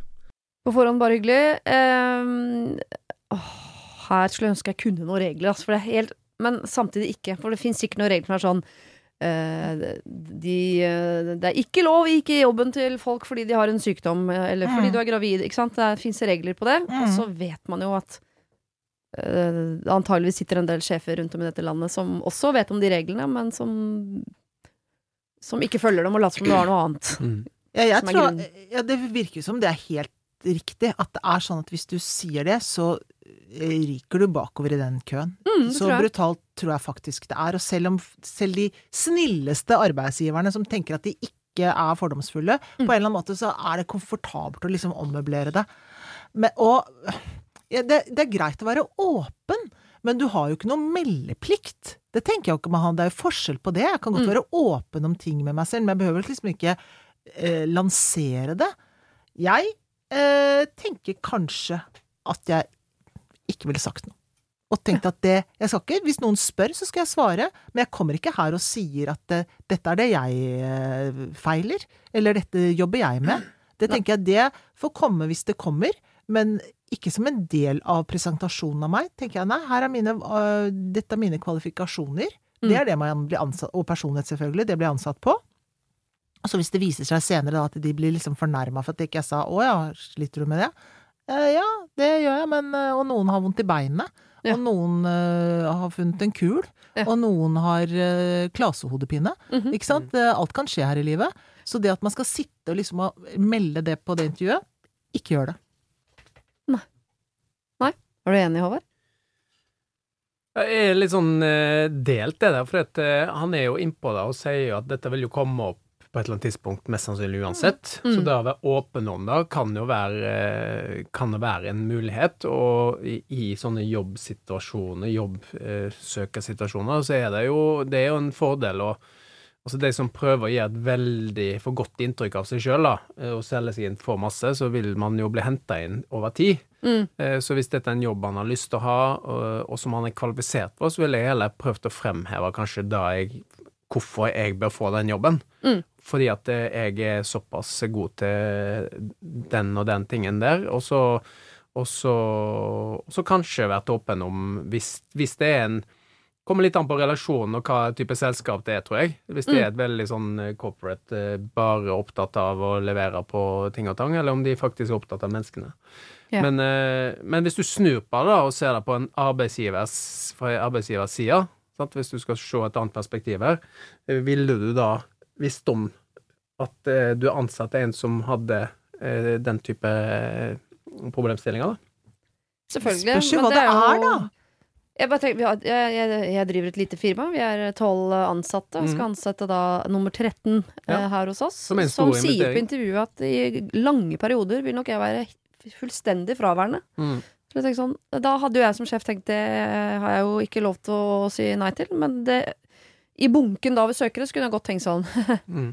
Det ble ikke deg, dessverre. Mm. Mm. Mm. Ja, det tror jeg skjer veldig ofte. Men, men det kommer jo helt an på hva det er for noe, gjør det ikke det, da? Jo. Og det er altså Og hva er det man skal Igjen, hva er det man har liksom behøver å melde? Nå er det sånn, du har ikke engang lov som arbeidsgiver å spørre om folk er vaksinert eller ikke. Nei. Ikke sant? I de fleste yrker, bortsett fra sånn helsevesen og sånn, da. Så det er jo liksom noe med Hva er det du skal fortelle? Mm. Eh, så det, jeg syns det kommer innmari an på. Det er klart, er du bipolar, eller er det liksom som gjør at du i perioder er liksom ikke kan gjøre jobben din, da? Eller, Mm. må, eller er det sånn at eh, du er medisinert på en måte som gjør at du kan gjøre jobben din? Jeg vet ikke. Men det, det, jeg, jeg tenker at det, at det der å være seg selv fullt og helt, ja, det er innmari bra det, men du behøver på en måte ikke å legge eh, journalen på bordet. Det syns jeg ikke. Nei. Jeg er veldig delt på det, for jeg skulle ønske at jeg 100 tenkte og mente som Håvard sier, at det var sånn Hvis du uh, klarer å fokusere på Jeg er utrolig god på dette, dette, dette. Og i perioder så har jeg eh, noe som gjør at jeg har utfordringer med disse tingene, men hvis vi tilrettelegger på denne og denne måten, så kommer ikke det til å være noe problem så lenge vi har en dialog om det. Og så tenker jeg at sånn Men du er fantastisk i selve jobben din, så dette får vi sammen til, som et team. Dette får vi til. Det skulle jeg ønske vi kunne si, at jeg skulle ønske at jeg hadde troa på at sånn var verden. Så er jeg dessverre for dyster anlagt til det at jeg tror, jeg tror dessverre ikke verden er sånn. Så jeg tror han i syv av ti tilfeller vil treffe da en sjef som tenker sånn åh, jeg orker ikke det, jeg tar bare nestemann i bunken. Mm. Med mindre du har Ja, nei. Så jeg, hvis du bare er- velger å ikke si noen ting, så har jeg full forståelse for eh, det. Mm. Absolutt. Mm. Sånn er det jo i alle nye forhold. Ja. Om det er jobb eller hva det er, så er det jo Man venter jo med å fortelle det der med at man har hår på stortærne, liksom, til litt uti. Men det som er veldig bra Ja, æsj. Eh, eh, men eh, Kona di har det, hun òg. Bare står opp før deg på morgenen og napper dem. Ja, ok. Ja, det, det er bra i så tilfelle. Eh, Fortsett med det. Fortsett med Men det. det som er bra med Torkil eh, her, eh, det er jo at han faktisk vet at han har denne lidelsen. Mm. Og jeg tror det er mange som ikke er helt klar over at de har eh, en, en eller annen skamank, da. Mm. Som de eh, bare prøver å leve med, og så kommer det fram på et eller annet tidspunkt. Mm. Her har han jo faktisk identifisert en utfordring som han har, og vet hvordan han Forhåpentligvis hvordan han kan håndtere det. Og da, som du sa, legge til rette for, da. Da går det an å legge til rette for eh, når det skjer, eller når det oppstår, eller jeg vet ikke liksom, Vi vet jo for lite om hva dette er, Mm. men at det går faktisk da an å ha en dialog om det. Nå Hvis- kjenner jeg at jeg er på vei inn i en sånn periode, så da trenger jeg da trenger mer hjemmekontor, eller jeg er nødt til å være på hytta i to uker for meg selv, eller Nettopp. ja. Og da, sant, da går det an å gjøre også den, eh, den eh, dealen når man går inn i et arbeidsforhold. Mm. Når man skriver en arbeidskontrakt, så kan man jo være litt sånn åpen om det, da, og legge til rette for, Mm. for sånn at dette blir bra for både arbeidsgiver og arbeidstaker. Og det virker jo også som Torkil nå tenker jo at dette er en jobb han kan gjøre. Mm. Og han kan gjøre det med den diagnosen han har. Ja. Det mener han at han kan. Jeg tenker Det skal man jo høre litt på, da. Ja. Altså Det er ikke sånn at han skal være hjernekirurg og ha fått parkinson, liksom. Det er? Altså, det er liksom noe med Det er liksom mange ting du ikke kan gjøre med Mm. visse diagnoser. Mm. Eh, Blind pilot. ikke sant? Mm. Altså Det er liksom noe med de tingene. Så han mener jo at denne jobben kan liksom gjøres mm, som han, da. Og hvis verden skal bli sånn som vi vil at den skal være, som Ja. er i retning av eh, det Håvard sier, så må jo eh, eh, Torkil han må begynne. Det er jo han som må begynne for å få verden til å gå i den retningen. Så jeg tenker, hvis du kjører full åpenhet, ja, så kanskje du får døra i fleisen noen ganger på jobbintervju. Men den, det jobbintervjuet hvor de tenker som deg, dette får vi til, selvfølgelig, Torkil, du er helt rå i den jobben her, vi skal ha deg, Mm. så kommer jo det til å bli den beste arbeidsplassen noensinne. Eh, Mye bedre enn de arbeidsplassene hvor du følte at du måtte skjule en del av deg selv på jobbintervju. Så jeg tenker, hvis du har tid og økonomi til å Mm. få noen avslag, Mm. Så heier jeg på at du er helt åpen ass, i Og så er det kanskje ikke, hvis han får avslag, så er det kanskje ikke der du skal jobbe heller. Nei, det er kanskje ikke de folka du vil jobbe sammen med. Eh, men jeg tenker, eh, nå, har, nå har vi jo gitt egentlig sånn råd til arbeidsgiver. ja, Skjerp dere. Ja. ja, Ja, altså til. Torkil, da, så tror jeg jeg, jeg tror nok jeg ville sett det litt an. Ja. Jeg tror kanskje jeg ville eh, litt Jeg ville sånn som du var. Ja, så sett litt an. Hva er dette Fått jobben og ta den Nei, nå trodde jeg vi var enige om å gå Nei, en sånn Halleluja-referanse. sammen. Nei. Men jeg Jeg mener at vi ikke skal si jeg- det. Nei, jeg er litt, sånn, jeg er litt på vei litt over at du må se litt an hva folk Ja. Det er ikke, det er ikke helt uh, innafor heller i et jobbintervju å måtte dele alt av indre psykiske Syns jeg er helt ute. Så skal, man, skal Torkel slippe. Han skal få, få den jobben. Ja. Og så om en uke eller to, når de ser hvor skikkelig god han er også, ikke sant. Det er glad Torkil, herregud, du leverer, sier de etter hvert. Ikke sant? Mm Mhm. Vi er så glad for å ansette deg. Ja, fint, kan vi få en liten prat? Du vet hva, av og til så er det sånn og sånn og sånn og sånn. Hva? Dette, hvorfor sa du ikke det? Nei, for jeg tenkte at da hadde jeg ikke fått Ja, jobben. da hadde jeg lagt det fram som var første gang. Hadde du gjort det? Ja. Jeg har sagt sånn, vet du hva, nå viser det seg at er jeg nå eh. Ja. er i en situasjon som Ja. jeg ikke var Eller jeg hadde det i ungdommen. Trodde jeg, var, trodde jeg var ferdig med det. Åpenbart ikke. Nei. Men jeg, jeg har vært gjennom det før. Jeg vet hvordan jeg håndterer det, så dette fikser vi. Ja, Allerede der så har du fucka opp tilliten da, med, Ja, ja. i hele systemet. Så det er jo, sånn, jeg starter med der, så er, men, Jo, men men- begynner du med løgn, så føler jeg at da kan man Eh, eh, da gjøre man det litt sånn ja. jevnlig. ja, Ja, det jo da, det en del da kan man liksom leve livet sitt på en løgn også, når man Ja. først er i gang, liksom. Men, Alle gjør det ja, alle gjør det. Ja. Det er derfor vi står opp før dere, for å nappe hår på tærne våre. Vi lever hele livet på en slags Æsj, det var grusomt bilde. Det vil jeg Ja, ja, det kommer til å gå hjem og se etter deg etterpå. Rett hjem. Rett Nei, ta bort de ballene, jeg skal bare se på tærne dine. Ja. Kanskje det er dette som er Stormy og Donald sitt problem også, at hun har Ja. hår på tærne. Han orker det bare ikke, for det har han sett det før. ikke. ja, men det må de snakke om. Det kan hende. Ok, vi går videre. Eh, Et eh, problem her Dette kan jeg kjenne meg så igjen i, dette problemet, så her kommer jeg også til å ta notater Oh. på Mhm. eh, hva man skal gjøre i denne situasjonen. hva skal jeg gjøre da? Ok.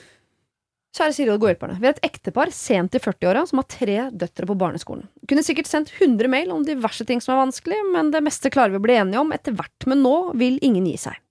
Ok. Eldstedattera vår skal feire bursdag nå snart, i november. Hun er hestejente, og fordi vi ikke fikk feiret i fjor, så har vi slått litt på stortromma i år og leid en stall med hester og folk som skal hjelpe jentene noen timer, før de får hoppe i høyet og spise kaker og kose med kaniner og i det hele tatt. Skikkelig drømmedag. Men det krever jo en del rigging, da, og vi har derfor invitert i god tid for å kunne planlegge ut fra hvor mange vi blir.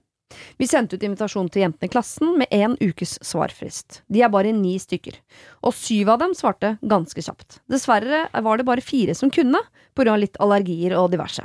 Den åttende hørte vi ikke noe fra, og anså det da som at vedkommende ikke kunne. Men herregud, fem jenter, det er bra det, og da slengte vi også med en kusine og en venninne fra der vi bodde før, så vi blir syv jenter til sammen. Perfekt! Vi meldte dette inn til stallen og har skaffet noen ungdommer som kan være der, og så videre. Så, en uke etter at fristen hadde gått ut, så melder plutselig denne eh, åttende jenta seg på. Og normalt sett ville jeg kanskje sagt det fikser vi, men nei, for dette skjer alltid. De er alltid sene, de kommer ikke, de må ha hjelp med henting og levering osv., og, så og dette er en familie som i utgangspunktet ikke trenger hjelp, de er bare sløve, og jeg er lei av at de er så sløve at det skal gå utover oss andre. Jeg vet ikke hvor mange ganger jeg har henta eller levert eller kjøpt gave på vegne av eller delt mat med de ungene, bare fordi de glemmer, roter bort, klarer ikke. Ja, de har jobber og de har barn og greier som krever mye tid, men fader da, det har vi jo alle. Skal jeg, som allerede har styrt og ordna, eh, styre og ordne mer bare fordi de ikke gadd å svare i tiden? Jeg mener vi skal si nei, jeg. Sorry, det er for seint. Men min mann sier herregud, det skal ikke gå utover barnet. Enig i det. Men det er jo foreldrene som gjør at det går utover barnet. Skal jeg fortsette å sy puter under armene deres? Jeg vet at jeg høres slem ut, og hadde dette vært en familie som vanligvis også gir, men som er i en vanskelig situasjon akkurat nå, så hadde jeg vært raus. Men de folka her, ass, de bare tar og tar og tar. Hilsen Per og Kari. Det er Per og Kari da, som ikke blir enige om uh, de skal si nei til dette barnet eller ikke. Hvor gammelt var det, sa sa hun det? Barnet? Skal vi se Nei, det er eldstedattera De har tre på barneskolen, så det må jo være Ja, det er det. sjette-sjuende. det da. Ja, ja, ja. 12-13 eller noe sånt. Da. OK, ja. Eh, kan ikke du begynne, Helene? Nei! Skal jeg begynne? Å, det er veldig vanskelig. Jeg hadde jo jeg hadde jo Jeg hadde sagt alle de tingene som hun sier nå, hadde jeg sagt. Og ræla rundt i huset og vært dritirritert. Og så hadde jeg sagt ja. Det hadde jeg gjort. Og ja, ikke til foreldrene til barnet, men til mannen, bare Til for å mannen, få ja. det ut. ja, ja, Ja, ja. helvete hjemme. Men hvor irritert jeg hadde vært for det. Og Ja, det tror jeg bare Kari har gjort allerede. Ja, det ja, ikke sant? Ja. Det, det hadde jeg gjort. Og så hadde jeg sagt ja. ja, det tror jeg er det vanligste. Ja. Akkurat det der. Mm. Men For det, det er sånn lærepenge. Ah, Lærepenge ja. Ja, ja. Jeg er jo litt for lærepenger, da. For jeg Ja, tror det er så mye sånn inngrodde dårlige mønster i samfunnet vårt som er der bare fordi ingen gadd å gi noen en lærepenge. Nei. Husker jeg hadde som nyttårsforsett her for noen år siden at vi har en utrolig sur dame som bor i gata vår. Som bare kjefter og smeller på alle som går forbi, fordi ingen gir henne en lærepenge. Så da ga jeg meg selv et nyttårsforsett. Neste gang hun kjefter og smeller, så skal jeg si hold kjeft. Mm. Jeg har ikke gjort det ennå, men, men eh, vi tør ikke. Men jeg har veldig lyst. Ligger en lærepenge og venter der. Nå er du hun dama i gata som folk snakker om at er så sur. Hold opp! Ja. Heksa. Jeg gleder meg til jeg tør. Heksa i gata. ja, det gleder jeg meg til også. Gleder jeg meg til å høre om. At Altså, du vest- tør det. Ah. Ja, er vær så god. eh, nei, det er at jeg, jeg kjenner meg jo litt igjen i den familien som ikke svarer. Håvard. Altså, for det, det er jo et kaos av ting og apper og drit du skal svare på. Det er jo en konstant mølje av greier. Altså, jeg hadde ikke overlevd jeg, hvis ikke kona mi var, eh, var såpass på som hun er. Altså, Mm. Eh, eh, nå har jeg fått så masse påpakning. Jeg trener jo gutta mine i håndball. da. Svarer i- på spånn om de kommer eller ikke. Spond! Om jeg Spond, kommer inn, eh, om jeg kommer på trening, sp eh, og er så, trener, så at det går en bursdag eh, litt sånn i, forbi i farten, og en halloweenfeiring, og hvordan det ene og andre ja, Kanskje ikke halloween, det er litt større. Men eh, det er jo litt, eh, litt sånn Jeg skjønner de litt. Samtidig så tenker jeg at eh, ja, sånne som oss må av og til få en lærepenge. Ja, ikke sant? Ja, Mm. Vi må av og til bli minnet om at eh, hei, følg med litt bedre her. Ja, for jeg får lyst til å si til deg, Håvard, og, og sånne som deg, da, tydeligvis Det er ikke noe verre for deg enn for alle andre. Nei. Det er Hvordan- jeg ble er ikke du født god? med en spond oppi ræva, jeg. Herregud, jeg er jo Er du god på det, Siri? Ja, det vil jeg påstå at Ja, jeg for er. jeg er også jævlig god, skjønner Ja. du. Ja. Jeg har aldri det problemet der. Nei. Jeg har ikke det, altså. Det, eller det, hvis det skjer, så er det sånn Det er virkelig Det er sånn Det skjer, det skjer ikke. Ja, for jeg syns jo ofte vi sitter på foreldremøter for eksempel, på skolen, så er det alltid en som sier sånn vet, jeg, jeg har ikke tid til sånn zero-gruppegreier. Jeg, altså, jeg har to unger og en bikkje og full jobb og sånn. Og jeg har så lyst til å si sånn Vi òg! Jeg blir så eitra som mamma. Jeg, jeg har tenkt på det siden Ally McBeal gikk på TV. Hvor det er en som sa til Ally McBeal Hvorfor er dine problemer så mye større enn våre, våre andres problemer? Det er Ja. ikke noe verre, livet er ikke noe verre for deg enn for oss andre. Men Eh, jeg skal spørre deg om en ting, Håvard, siden ja, jeg har deg her. Ja. Okay. Fordi eh, i dette kaotiske livet ditt, da, hvor det er vanskelig å få svart på alt Ja, kjempe. Hvis det var du som skulle arrangere en bursdag som det var Mm. ganske mye planlegging rundt, Mm. og som gjorde det enda verre for deg å følge med på Spond Mm. videre eh, Og så er det da en annen familie igjen som på, ikke har svart innen tidsfristen, Mm. som gjør at da må du, når du egentlig har rigga bursdagen ferdig, Mm. rigge på nytt. Fordi de har vært treige, fordi de har så mye kaos i sitt liv. Mm. Er ikke det ganske urettferdig, da? Denne familien her, Per og Kari, har jo snakket med stallen, meldt på syv jenter, alt, alt er i boks. Det eneste de trenger nå, er å finne fram den rosa kjolen og ta glasur på kaka. Og så kommer det en familie inn fra siden og sier sånn Vi vil gjerne ha med en åttende jente, vi. Å ja, Ja. vent litt, da, jeg skal bare ringe rundt og ordne og fikse. Lalalala. Ja, og så er vi i gang igjen. Men jeg er helt enig. Eh, Da, eh, da, akkurat som jeg sa også, da fortjener det en lærepenge. Sorry, Beate får ikke bli med denne gangen her. Eh, hun var for sen. Nå har vi bestilt stall, og da er det ikke plass til Beate. Dessverre, denne gangen. Dere, eh, fristen var Men det stemmer jo ikke. Det, er har en det er plass til Beate. telefon! Herregud, da. Det er jo bare én telefon som er Du vet hva, vi- jeg vet det. Det er bare sju hester det. Nei da. Jo, men la oss håpe det bare er sju hester, da. Ja, ja, ja, men da får hun stå ved siden av en hest. Det er bare for å bli med på festen og hoppe, for hun hopper høye så lenge, da. Hei, du, det er vi med den bursdagen. Nå, jeg vet det bare er sju hester. Ja. Det, men egentlig skulle det vært ni i den stallen, så det er flere hester her. Så ikke kom med det der. der. Så det er, men for det er noe som ikke kan nå, ikke sant. Men så, da, nå blir vi ikke sju, vi blir åtte. Går det greit? Klart det går greit! Det er ikke noe problem. Sier stallen, Si antagelig. stallen. Og så sier Kari vet du hva, det går kjempefint, men dere vet du hva, det hadde vært kult hvis dere sa fra litt før neste gang. For det vil ble du litt være mye den jobb. derre Nei da. Jeg- belærende, nei, liksom? Nei, nei, nei, nei. Hun skal ikke gjøre det. Hun skal bare ringe og si 'det går fint'. Ja, Kos dere. Ja. Er Ja. ikke noe å lære. Kommer jeg aldri bare- til å lære det samme. Ikke bli sinna nå, Siri.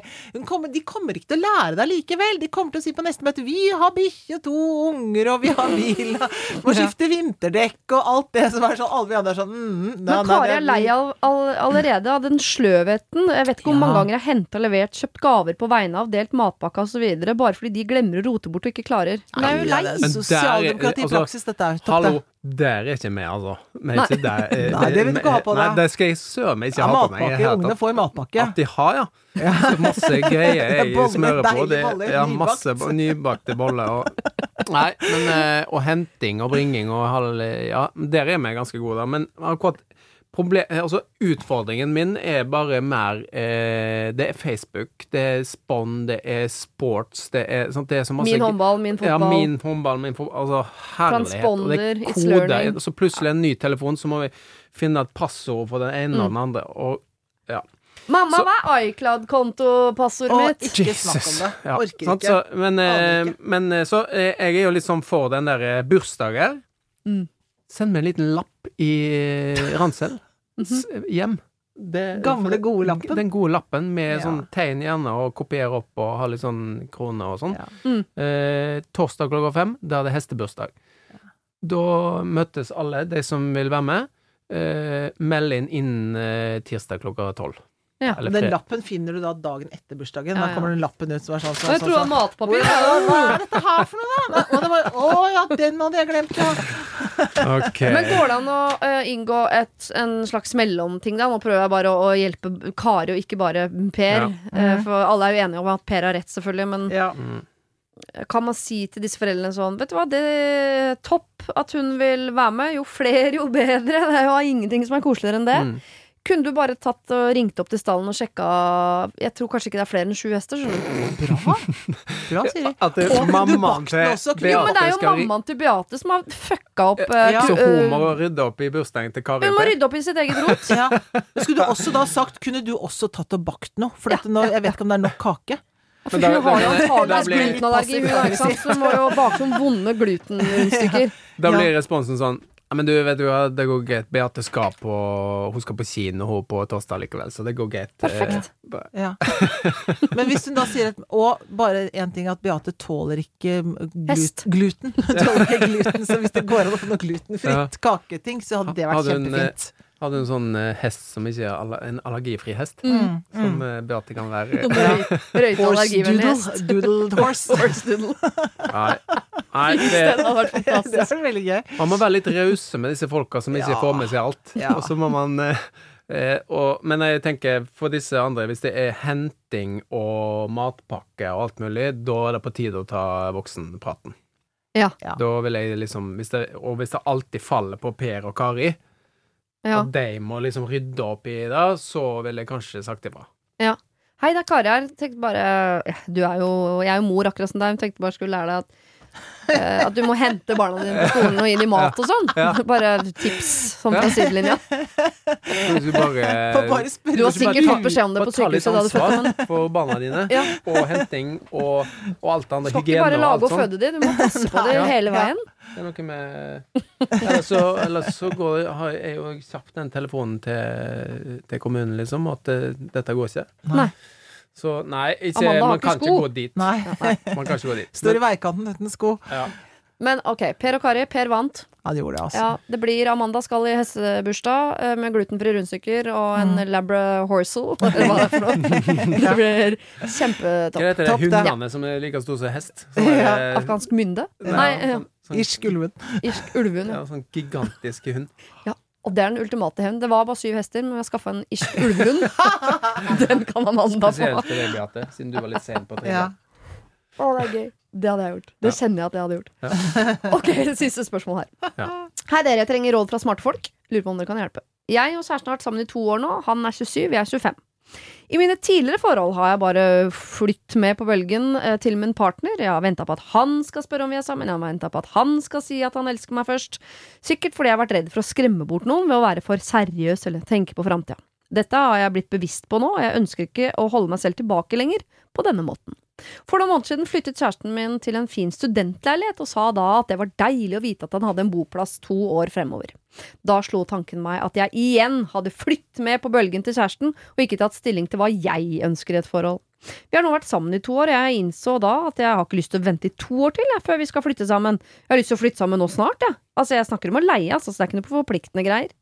Jeg tok motet til meg og forklarte han for en uke siden at jeg virkelig kunne tenke meg å flytte sammen, fordi det hadde vært hyggelig, det er en naturlig steg i forholdet vårt, og det er vanskelig å rekke å møtes slik vi bor nå i en travel hverdag, da jeg jobber 100% og han studerer og jobber. Jeg hadde jo selvfølgelig ønsket en respons som ja, det hadde vært kjempekoselig, og jeg hadde sett for at vi kunne begynne å lete litt etter leilighet sammen om rundt et halvt år, da. Men den responsen jeg fikk var litt mer som jeg fryktet, halvdårlig.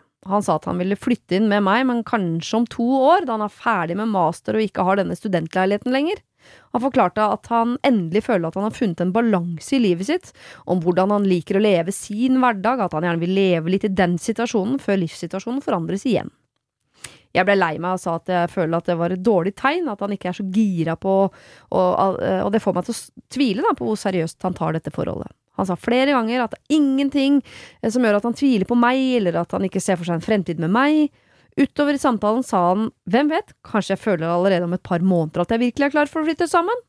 Vi kom fram til at han skulle tenke litt på det, sånn at vi kan snakke igjen om dette om en måneds tid. Om han vil vente til vi har vært sammen i fire år flytte, før vi flytter sammen, hva gjør jeg da? Skal jeg dumpe han, eller skal jeg gå rundt og vente på at han blir klar? Jeg føler at vi er såpass gamle at det er på tide nå, ass. En liten tilleggskommentar. Akkurat nå bor jeg både han og jeg i ettromsleiligheter, og vi begge vet at vi må ha minimum to rom for å kunne trives sammen, så det er ikke et alternativ at en av oss flytter inn til den andre. Faen, dette ble langt, ass. Jeg prøvde å skrive kort. Håper jeg kan få noen råd. Med vennligheten småskuffa Stine. Faen, ble det langt, altså. Jeg liker det. Hun vil flytte sammen nå. Mm. Han vil kanskje flytte sammen to år, eller noe Ja. sånt. Kan man presse Ja, kan man presse? Ja, Nei. det, man, man kan jo prøve å se på det. Det tror jeg er dårlig. Se åssen det gikk med Storm Donald. Ja. Men eh, hvor gamle var disse, da? Eh, 27 og 25. Eh, han er 27, hun er 25. Mm. Ok. Ja. Eh, da er de jo sånn oppe i 30-åra, omtrent når de skal flytte sammen. Ja. Og Er ikke det fint, da? seg. ja, så Når han er 29, så er han ferdig med master. Leia på den der studenthybelen har gått ut. Ja. Mm. Hun er 27, liksom. Det er topp, Ja. det. Det høres ut som et perfekt setup. Da. Ja, tenker For, jeg òg. Vær nå eh, litt sånn kjærester og svins litt fram og tilbake nå og noen år. Er ikke det kult, da? mm. Det syns jeg høres kjempefint ut. Ja. Du bør ikke date til du er 35, sånn som noen gjør. Men du kan, du kan, eh, du kan holde på litt altså, Men disse det- dater ikke, de er sammen. Ja, ja, Etablert ikke sant. par, liksom. Altså, men det der å, å etablere seg sånn behøver jo ikke det. Altså, jeg skjønner at hun har lyst til det. Og, Ja. og hun ser for seg Hun skal jo gifte seg og få barn og sånn. Hun, kanskje høres det jo litt ut som hun er liksom veldig sånn fort på vei inn i en sånn verden. Mm. Men jeg tenker Jeg skjønner han kjempegodt. At han har lyst til å Mm. Jeg òg. være et annet sted. Ja, det tror jeg. Og det, jeg tror det er lurt. Jeg tror det er Jeg skikkelig syns det er skikkelig usexy med menn på 27 som bor på studentkollektivet. Ja, men, stud men han bor jo på sånn ettromshybelhus, da. Jeg husker første gang jeg kom hjem til eksen min, og han bodde, hadde madrass på gulvet i et studentkollektiv. Jeg sa, Men i helvete, se Og så og laken kle på deg, kom deg ut.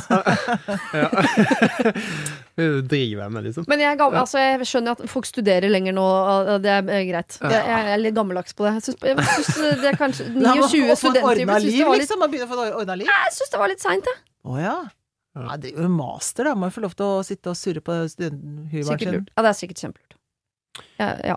Jeg trekker tilbake Men alt. hun er jo tydeligvis litt sånn eh, Jeg opplever jo at hun er litt sånn veldig på her, da. Sant? Mm. Hun er veldig sånn Hun øh, venter sånn, skal han snart si at han elsker meg, sånn at jeg kan se det igjen. Sant? Hun er liksom, har gått og venta og er litt sånn needy Ikke, Sorry, ikke, jeg skal ikke si needy. Men at hun er litt sånn på, da. Ja. Veldig oppmerksom på, på altså, å få hans anerkjennelse og kjenne at han, hun liksom blir trygg i, eh, på han. Og det eh, høres ut som det ligger litt sånn i der at hun liksom vil ha litt kontroll på han, da. Ha han litt nærmere, få han få satt i gang dette forholdet ordentlig, så vi kan begynne å leve livet ordentlig. ja. Eh, mens han, eh, som jeg tror kanskje er litt sånn eh, for gutter generelt, altså at man, eh, man vil ha litt den friheten. Student og leve liksom den studentperioden ferdig. Ja. Kjenne litt på sånt, Spille PlayStation på, til klokka fire på natta og spise Grandiosa. Være litt sånn den typen. Ja, ja. Helt til man Nå er det Mm. Men Stine har ikke sagt at ikke han kan spille PlayStation og spise pizza til klokka fire. Det ligger litt i kortene, da. da at det Ja. blir liksom dårlig stemning. Hun kikker litt på at ja, han. hun syns han, ser han litt lite. Så hun, Ja. tenker, altså hun er litt sånn praktisk. Ja. I forhold til at vi, de nå bor hver for seg, så høres det litt ut som det Håvard sier, at hun blir litt sånn Men når kan vi ses, da? Ja. Men, men når kan du, da?